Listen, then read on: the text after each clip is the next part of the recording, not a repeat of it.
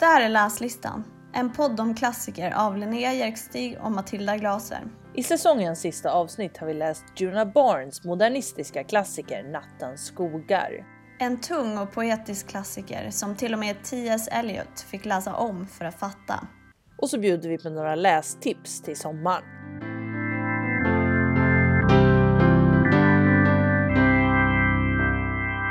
Hej Linnea! Hej Matilda!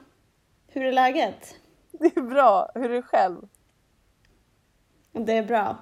Sitter som vanligt under filten i midsommarkransen och försöker härda ut värmen, bastuvärmen. Ja, det är otroligt varmt. Man behöver inte sätta sig under en filt för att det ska vara varmt direkt. Nej. Tur att är man är van att basta. Ja, har du bastu? Du är en bastuperson. Jag är från Norrland, då gillar Ja, man ju jo. sånt. Kanske underförstått. Oskriven regel. Sant. Eh, vad har vi läst för bok den här veckan? Vi har läst eh, Nattens skogar av Juna Barnes. Eh, en modernistisk klassiker. Den kom 1936 för att vara exakt. Just det. Eh, en väldigt speciell bok kan man säga. Eh, vad heter det? Förordet till romanen är skriven av T.S. Eliot, alltså en av de mest största modernistiska poeterna kan man väl säga. Eh, och han skriver att romanen främst vänder sig till en poesiläsare. Och det är för att det är bara någon som övat upp sin känslighet för poesi som kan uppskatta den, skriver han. Men det är också en roman som inte går att beskriva, enligt honom. Och han skriver också att den är svår och att han, alltså han, det här geniet, behövde fyra, att läsa romanen fyra gånger innan han förstod dess storhet. Ja, jag Blir man avskräckt kan... eller? Jo, det blir man ju. Och nu tycker jag nästan att det känns som att vi kan avsluta den här podden för att han lite grann har sammanfattat eh, den här boken, eller i alla fall hur den är att läsa ganska bra. Eh, Ja. T.S. Eliot sa det bättre än vi. Nej men det, det stämmer ju verkligen att det här är en eh, väldigt, väldigt poetisk bok, alltså skriven med ett väldigt poetiskt språk. Och att man många gånger behöver läsa en mening eller ett stycke eller ett kapitel både en och två och tre och säkert i den bästa av världar fyra gånger för att förstå. Och att det här är en bok som säkerligen gynnas av att man läser om den flera gånger om. Säkert vid olika tillfällen också för att det hela tiden går att hitta nya dimensioner och nya sidor och nya tolkningar. Det är väl en av Mm. bokens utmaningar men också en av bokens styrkor kan man väl säga då. Mm. Ja, men den har också kallats en av världens mest, eller världens mest komplicerade terapiroman. Så det finns ju många ingångar till den här romanen. Ja, verkligen. Eh, jag tyckte väldigt mycket att det kändes som att man behövde ha ett visst lugn för att kunna läsa den. Man behövde ha ett lugn och man behövde ha tid. För att det var mer en, ett åtagande än liksom någonting man slänger sig på soffan med när man har 30 minuter över. Ja gud, det är ju ingenting man speedreader, speed, vad heter det? Speedreading. Speed reader. speedreadar. Ja. Nej men det är ju ingenting som man kan ögna sig igenom på något vis. Liksom. Varje ord behöver ju ta sig, eh, liksom vägas för att man ska förstå vad det är som händer egentligen. Eh, Ja. Och händer, egentligen händer det ju inte heller så fruktansvärt mycket i den här boken. Själva handlingen är ju ganska enkel och eh, eh, liksom en ganska liten del av vad boken utgörs av kan man väl säga. Ja. Ska vi försöka ge oss på eh, det att eh, beskriva handlingen? Ja, men, och det känns ju på ett sätt som det enklaste uppdraget. Ehm, I den här Gör det? boken får vi följa en, ett antal olika personer och man skulle kunna säga Mm. att de liksom avlöser varandra som i en kedja. Och det de har gemensamt är relationen till Robin, Robin Vote, som Mm. är eh, som ett slags jag vet inte om man vill kalla henne huvudperson, alltså hon är ju huvudperson för handlingen eftersom att allting cirkulerar Mm. kring henne. Men hon är ju en helt tyst huvudperson. Eh, henne Mm. får ja, vi ju... hon säger väl någon något citat. Liksom. Ja, och vi Men det är inte mer än så. Får inte veta så Vi mycket. får aldrig följa hennes hjärna. Nej precis, om vem hon är. Men däremot får vi vet, komma in djupt in i hjärnan på de människor som hon påverkar och berör. Och inte minst då Mm. personerna som hon har kärleksrelationer med och i sin tur lämnar sen. Ehm, Mm. boken börjar ju med att hon träffar och gifter sig med en man som heter Felix. Eh, får Mm. ett barn tillsammans med Felix men när barnet är fortfarande är litet så lämnar hon Felix. Hon träffar Nora och inleder en relation med Mm. Nora. Men blir under relationens gång allt mer frånvarande både känslomässigt eh, får man väl anta och eh, försvinner ut i natten och ehm, liksom bara eh, distanserar sig mer och mer från Nora och inleder till slut också en relation med en annan kvinna som heter Jenny. Eh, Mm. Så det är väl några av de stora karaktärerna i den här boken. En, ytterligare Mm. en karaktär som spelar en central roll är doktorn som han kallas, eh, Mm. Matthew O'Connor. Och han liksom löper som en berättare genom i princip hela boken kan man säga. Och han känner och interagerar med alla de här andra personerna. Eh, och blir som Mm. någon sorts betraktare av handlingen. Man, man kan ju säga att vet du, romanen inleds inte heller med jag menar, Robin och Felix förhållande utan den inleds med att Felix föds. Just det, precis. Eh, och sen hans uppväxt och sen träffar han den här doktorn som introducerar honom för Robin. Och sen visar det sig också att doktorn är någon form av typ gynekolog slash barnmorska som också har varit med och förlöst Nora. Så det är Just lite så här inkopplat deras relationer. Liksom. Precis, och som också känner Jenny på något vis. Och det var lite det, det, var det jag tänkte på när jag tänkte att boken var som en kedja. För man skulle ju också kunna se boken som en, alltså att Rob, Robin är ett nav och att de här personerna är runt henne. Men det var nog just det där med att det Mm. börjar med att man får följa Felix, som sagt under den då upplevda tiden av hans liv. Och att det är när han träffar, Nor, när han träffar Robin så hakar det i och när Robin sen träffar Nora så hakar det i och börjar handla om Nora. Så det, var det, det var nog det jag tänkte Mm. på det där att, att, att den känns som en kedja att läsa. Eh, Ja, och vissa saker utspelar sig också liksom samtidigt. Så då kan man läsa om en sak i ett kapitel och sen i nästa kapitel får man läsa om samma sak fast ur en annan perspektiv. Eller, Precis. så vissa händelser återkommer ju fast man får följa den genom olika personers berättelser. Exakt. Eh, Men och, och det här, det, men, ja. mm, nej men säg då. Nej, men Jag tänkte säga det här är ju den mest konkreta nivån av handlingen. Det är ju ungefär det här som vi har pratat om nu. De här personerna som Mm. Robin eh, berör och sen lämnar på något vis. Liksom.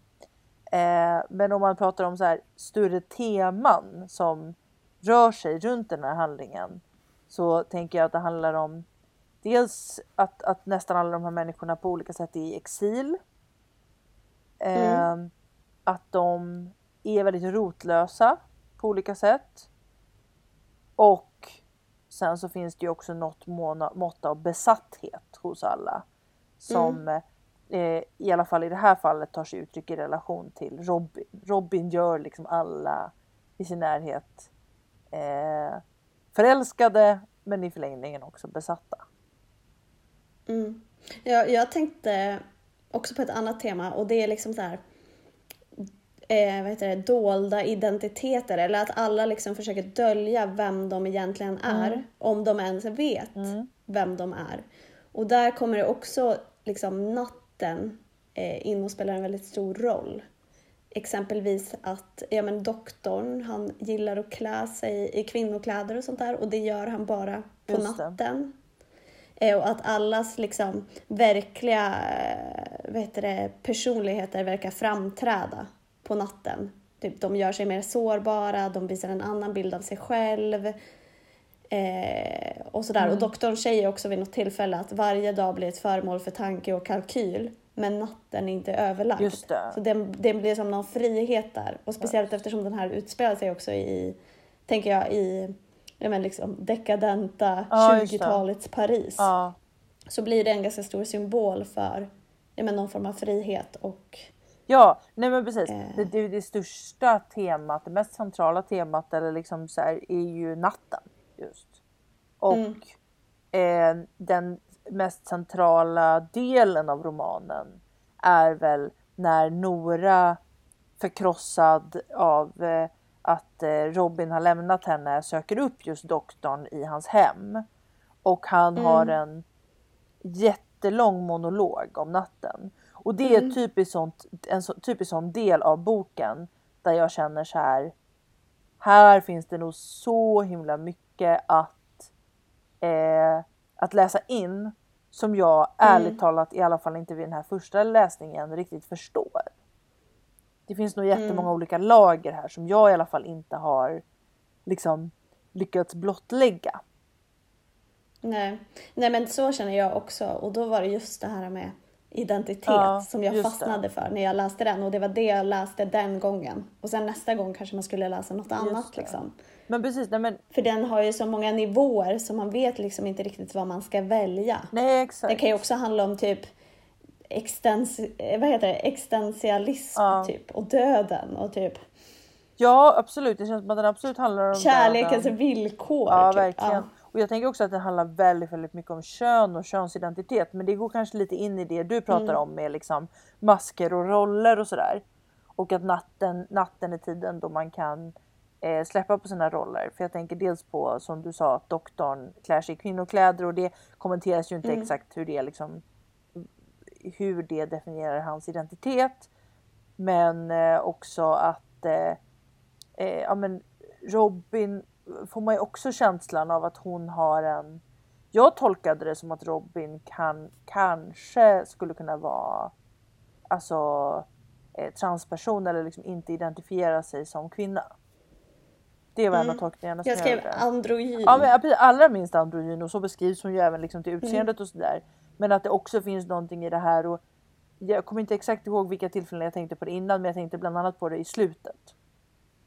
Att hon har, helt oavsett om det har att göra med egentligen någon sorts här binär könsidentitet så känns det i alla fall som att hon inte vill ha den kropp hon är född i eller inte vill ha det, Nej. det skinn som hon är född med passar inte henne. Och att Det, det kanske är ett, en av förklaringarna till varför hon hela tiden eh, flyr sina relationer och jagar vidare till nästa. Liksom. Varför hon är så sökande. Mm.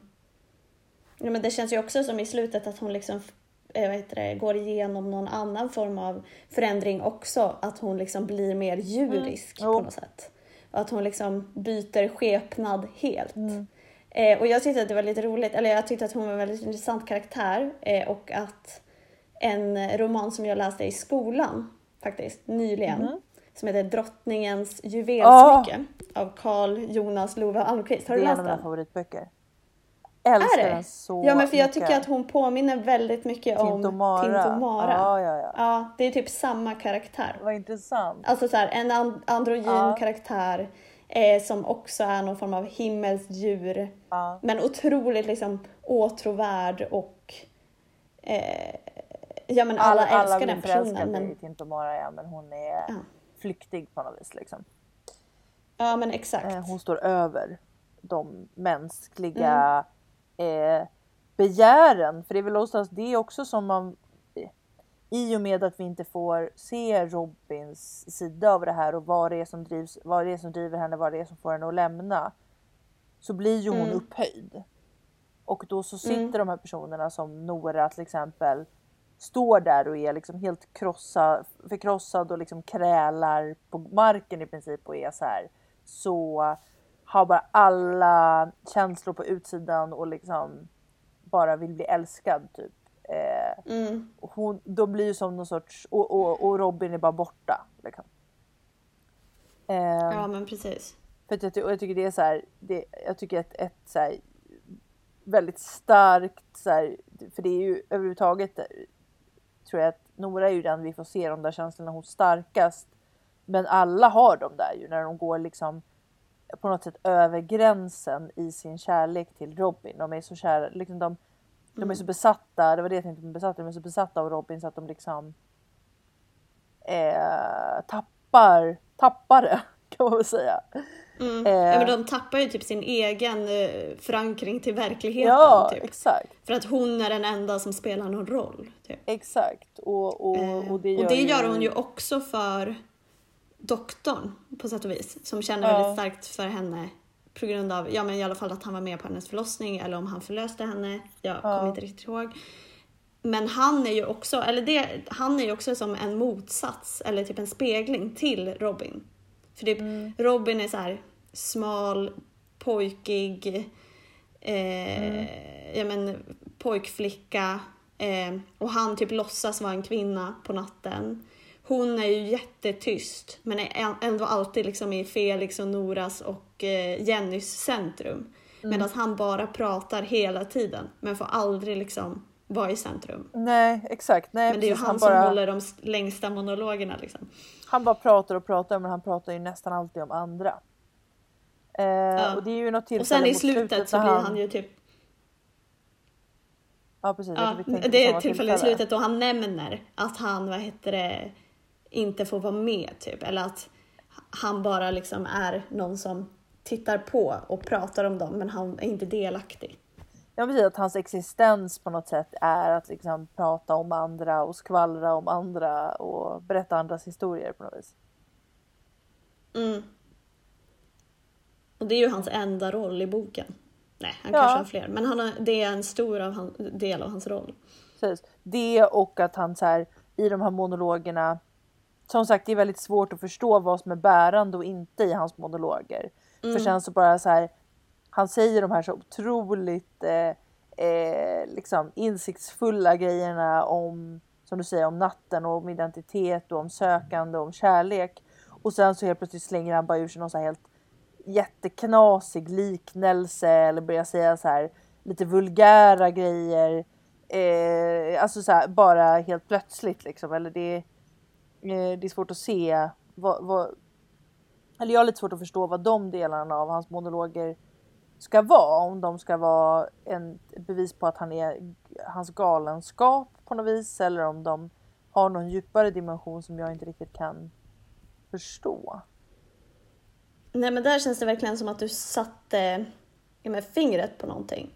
Alltså så här, det känns som att man inte kan förstå vad som är det viktiga i romanen förrän man har läst den. Och därför skulle man vilja läsa den igen, för då vet man ju kanske vilka teman som är viktiga. Det Ja. förstår man ju liksom inte förrän i slutet. Så det, 100% man har ju ingen hjälp när man läser den. Nej. Eh, Och inte minst hans helgalna liksom liknelser och metaforer som han typ staplar på varandra och sen vet man inte helt plötsligt var man är. Jag håller 100% med Eh, dig. och så måste man läsa om den. Och det kännetecknas ju på något sätt redan i första, det som du beskrev i början, att den börjar med att skildra hela Felix födsel och hela hans uppväxt.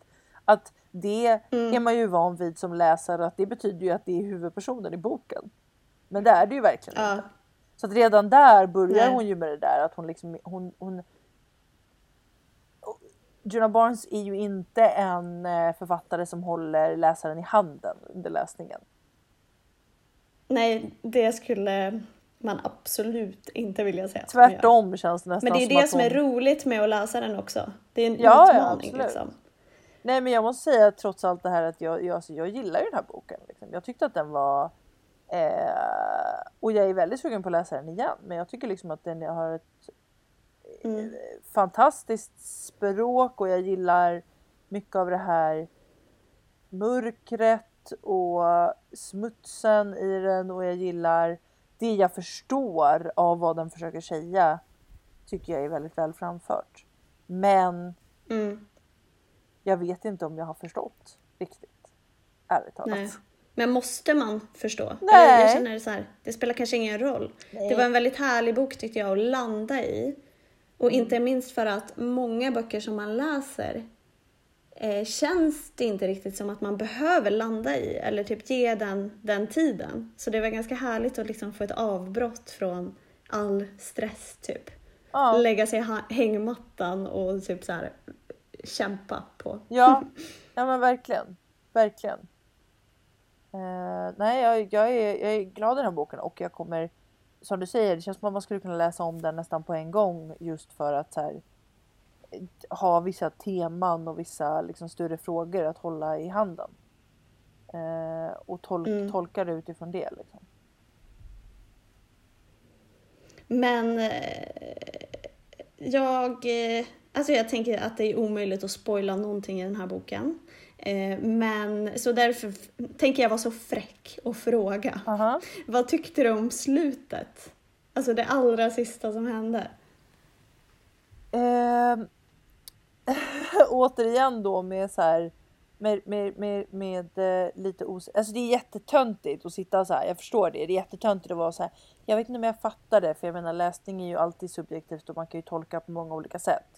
Men om ni har läst den här boken Mm. så kommer ni kanske förstå hur det känns extra mycket så efter att ha läst den här boken. Och att det är därför jag ändå känner att jag måste slänga in den brasklappen. Men Ja, men det är bra att du gör det. men det, det som händer i slutet. Vi, kan, vi måste nästan ha en liten debriefing här. Så att om ni inte har läst eh, boken så, och, och inte vill ha, ha slutet avslöjat så kan ni stänga av. Men det som händer i slutet är ju att både Robin och Jenny tillsammans och Nora för sig har rest till USA. Eh, och att eh, Robin och Nora av liksom en delvis i alla fall slump möts i en kyrka, i en tom kyrka. Och i den Mm. tomma kyrkan finns det också en hund. Och, Det är Noras hund, ja. och den... Och när hunden kommer in så börjar ådrorna i Rob... Nu tar jag bara en bokstavligare, det som faktiskt beskrivs typ. Mm. Robins blodådror blir så blåa och börjar typ bulta. Och hon ställer sig på alla fyra och hon skäller. Mm. Men det är ju som att hon förvandlas till hunden. Eller den, alltså att vara ett med den hunden i alla Ja, fall. exakt. Hon blir ju som ett djur där. Ja, exakt. Hon blir det. Tänker Ja, jag. så, så, så, precis. Och, och det tänker jag på något sätt. Eh, alltså som jag tolkar det så tänker jag att det har med den här identitets... Alltså det, det, har, det har med någon form av identitet att göra. Det har Mm. antingen med... Frihet också, Ja. tänker jag. Ja men precis. Ah, precis. Det är det jag tänker. Antingen så har det att göra med att vilja byta identitet. Som i typ det jag var inne på lite innan med så könsidentitet och att liksom inte känna sig som en fånge i den kropp som man har tilldelats och det som liksom samhället Ja. tolkar utifrån den. Men det kan också handla om, som du kanske var lite inne på, att slippa vara människa och därmed slippa tilldelas en identitet överhuvudtaget. Så kan det också Mm. vara. Att djur Ja men och, som djur så slipper Mm. man det. Liksom. mm, ja, men och att typ så här. Jag vet inte, också typ att det skulle också kunna vara något mer så här psykologisk identitet. Eller jag vet inte vad jag ska säga, men att hon känner liksom att hon har hittat hem typ. Och känner sig att ingenting annat spelar någon roll. Typ att hon behöver inte vara på flykt från alla de här människorna. Att liksom, ja, jag vet inte. Att hon har blivit fri liksom från krav. Mm. Ja men det är väl lite det du säger i och för sig. Ja, ja men precis. Liksom fri från krav och samhälle och andra människor och fördömande blickar och Ja, tillåta sig själv att bara vara, typ. ja men precis. Så det, och det tycker jag faktiskt inte givet liksom, de eh, tolkningarna så tycker jag inte att det var den mest obegripliga delen av boken. Konstigt nog eftersom att det är en ganska konstig Mm. scen. Så tycker jag ändå att den Ja. känns. Den kan i alla fall eh, kan i alla fall liksom ha en tolkning av så att säga.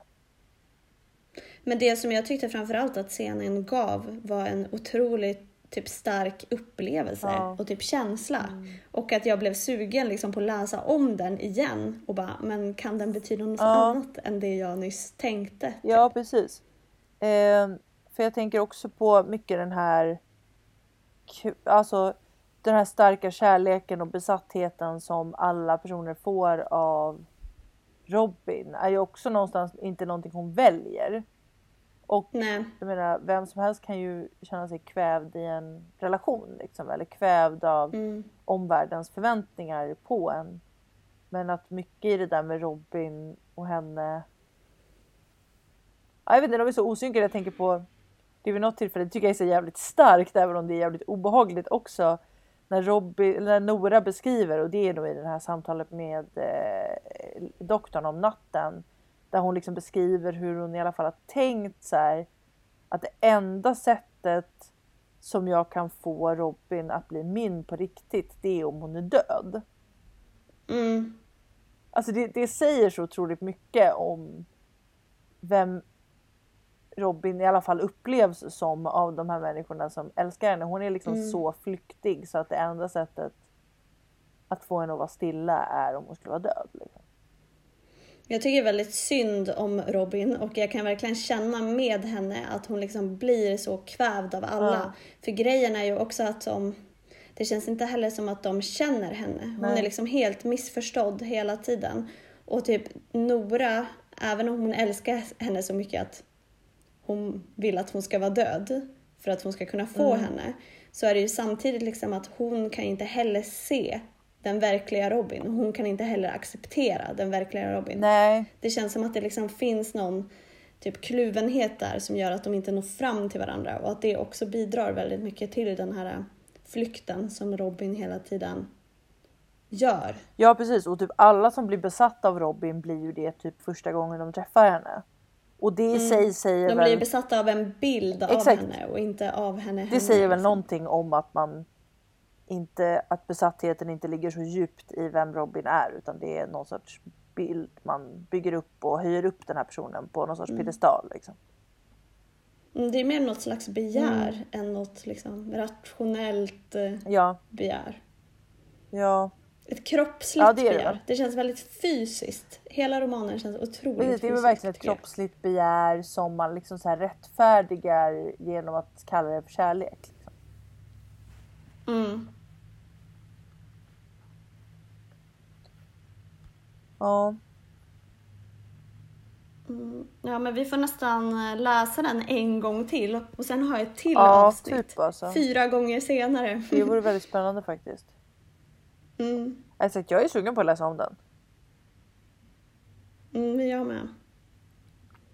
Vet ni jag... s- Jag skulle bli besviken om jag inte fick något Ja, mer av att verkligen. läsa om Nej, den. gud, det, må, det måste ju... Besviken på mig själv. Jag skulle känna mig dum. Ja, ja, verkligen.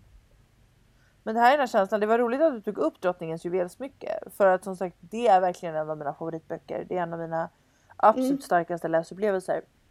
Men första gången jag läste den så förstod jag absolut ingenting av den. Och Nej. sen läste jag den igen. Och då älskade jag den så Och då älskade du den. otroligt mycket. Vad är det du gillar så mycket med den? Alltså jag, det är typ det är en massa olika saker men alltså den, den gav mig, den där andra gången jag läste den så gav den mig en sån otroligt stark känsla. Alltså Mm. och, och har gjort det när jag läst den sedan dess också. Det är som att jag blir förtrollad av den boken. Förstår du hur jag menar? Så som det kan vara med Mm. vissa böcker att man bara sugs in i det på något sätt. Alltså det, det är bara liksom en språket och det universumet. Alltså ja, det, det är bara någonting som det, det, det, det är som magi för mig. Mm. Blir du sugen på att läsa den igen nu när den kom på tal? Ja, för att nu var det faktiskt ganska länge sedan jag läste den. Eh, Mm. men jag har läst den några gånger. Eh, men nu var det säkert ah, ett antal år sedan jag läste den så att, eh, det borde jag absolut göra. Mm. Ja, jag skulle inte säga att jag hade en sån stark upplevelse när jag läste Nej, den. vad, vad kände du då? Eh, Nej, jag, vet inte, jag var mest nyfiken på den här Tintomara-personen. Mm. Eh, och vissa, alltså den är väldigt speciell för att den har ju väldigt så här, eller den tillhör ju väldigt många genrer. Ja. Ibland är den skriven som ett drama och liksom, den är skriven på många Ja. olika sätt. Det tyckte jag var kul. Mm. Men det gör också att man kan ha ganska, eller jag tyckte att jag kunde ha ganska stor eh, skillnad i, alltså eh, ganska stora olika skillnader. Mm. Vad håller jag på att säga nu? Ja, nej, jag Ja, men att det blev ganska stor eh, skillnad i läsupplevelsen från typ kapitel till Mm. kapitel för att den var så olik. Typ. Ja men det är den ju verkligen. Den har ju liksom den är ju som väldigt många olika, som säger, böcker och former i en. Liksom. Så mm. Men jag kan förstå att den, jag menar att den skulle kunna växa om man läste den igen. Ja, men, precis. men det var mer karaktärerna som jag fastnade ja. för än själva eller berättelsen.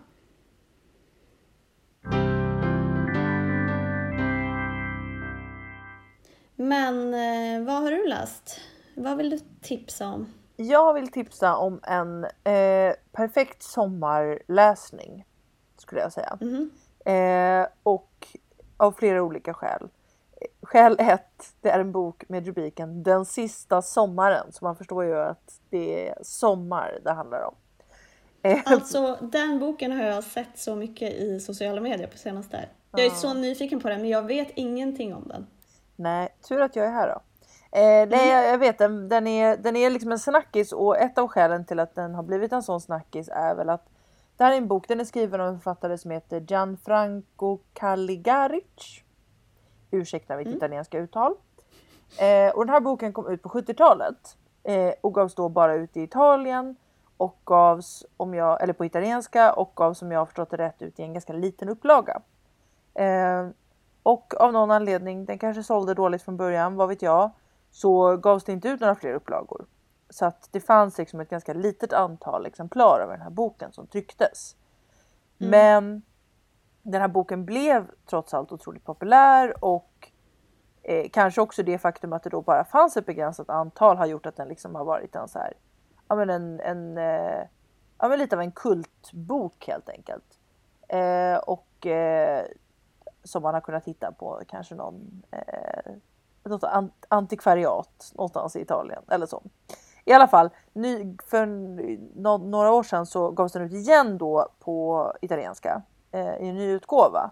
Och efter det så har den nu också översatts för första gången till eh, flera olika språk, däribland svenska. Så den som jag läser så den kom svenska. i år på svenska eller? Jag tror det. Ja, Ja. det ska den väl ha gjort. Precis. Så att den, eh, den är liksom hypad då. Eh, och den här boken handlar om en eh, ung man som heter Leo. Eh, och han kommer ursprungligen från Milano men flyttar till Rom. Eh, för att eh, arbeta som journalist. Men i ärlighetens namn kanske allra mest för att eh, göra det han gillar mest. Typ kröka och hänga med folk och leva, ett, leva det livet som han eh, ser framför sig att man lever i Rom. Milano beskrivs i den här boken som en riktig skitstad. Liksom. Där vill man inte bo utan man vill flytta till Rom. Eh, Det så är där det händer. det är där det händer precis.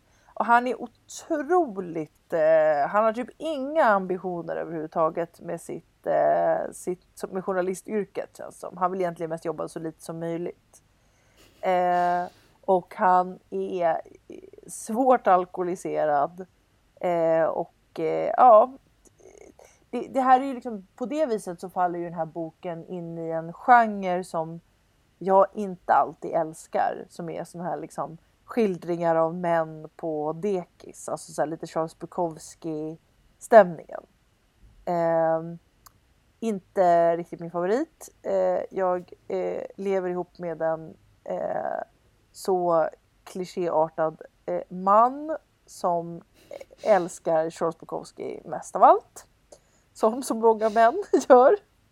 Vad härligt att du fick säga det här Ja, eller hur? Fick jag spy lite över det. Nej men jag menar, ja, jag, jag kan ju också, jag kan också förstå att eh, Charles Bukowski är en väldigt bra författare. Men jag är väldigt trött på att om och om igen läsa om den här typen av man. Mm. Men precis som Charles Bukowski i Faktotum eh, så är det här en så pass välskriven bok så att eh, jag är beredd att acceptera det. Jag är beredd att lägga min tid på att läsa om en eh, full man utan ambitioner som ändå får ligga med alla tjejer. Typ. Eh, nej, Man blir en, väldigt nyfiken på att läsa den kan jag säga. det är en härlig, nu har man ju inte så mycket, just nu har man ju kanske inte så härliga bilder i huvudet när man tänker på Italien på grund av liksom coronapandemin och sådär. Men eh, när man läser den här boken så får man ju den där Italien-längtan som vi har pratat om förut i den här boken. Ehm, Podden, ja. Ja precis, först den här podden. Eh, om, av att liksom sitta och dricka Barolo på någon eh, eh, härlig eh, bar i Rom och köra en, eh, vad är det för bil han kör? En Alfa Romeo kanske det är. Han kör runt i stan mitt i natten med någon Mm. ung vacker kvinna. Det livet vill man ju ha. Man blir, man blir frestad Man blir på frestad. att flytta Nej. direkt. Men jag tror att det här är en, en bok som kommer läsas av många i sommar och eh, jag kan eh, absolut rekommendera den. För det syftet. Jag kommer nog eh, lägga in den på min läslista direkt och ta med det den till stugan. Ja, vad härligt. Det känns som att det enda jag ska göra i sommar är att läsa. Det är min enda plan. Mm, det är inte en jättedum plan i och för sig. Nej. Har, har du något eh, sommarboktips till mig eller vad har du läst? Eh, ja, kanske inte till dig för du har redan läst den. Men du kanske ska läsa om den. Eh, jag har läst en bok som jag har velat läsa jättelänge. Men jag har liksom bara flyttat ner den på min priolista hela tiden. Tills jag tog mitt förnuft till fånga och läste den. Och nu känner jag så här. Eh, varför har jag inte läst den?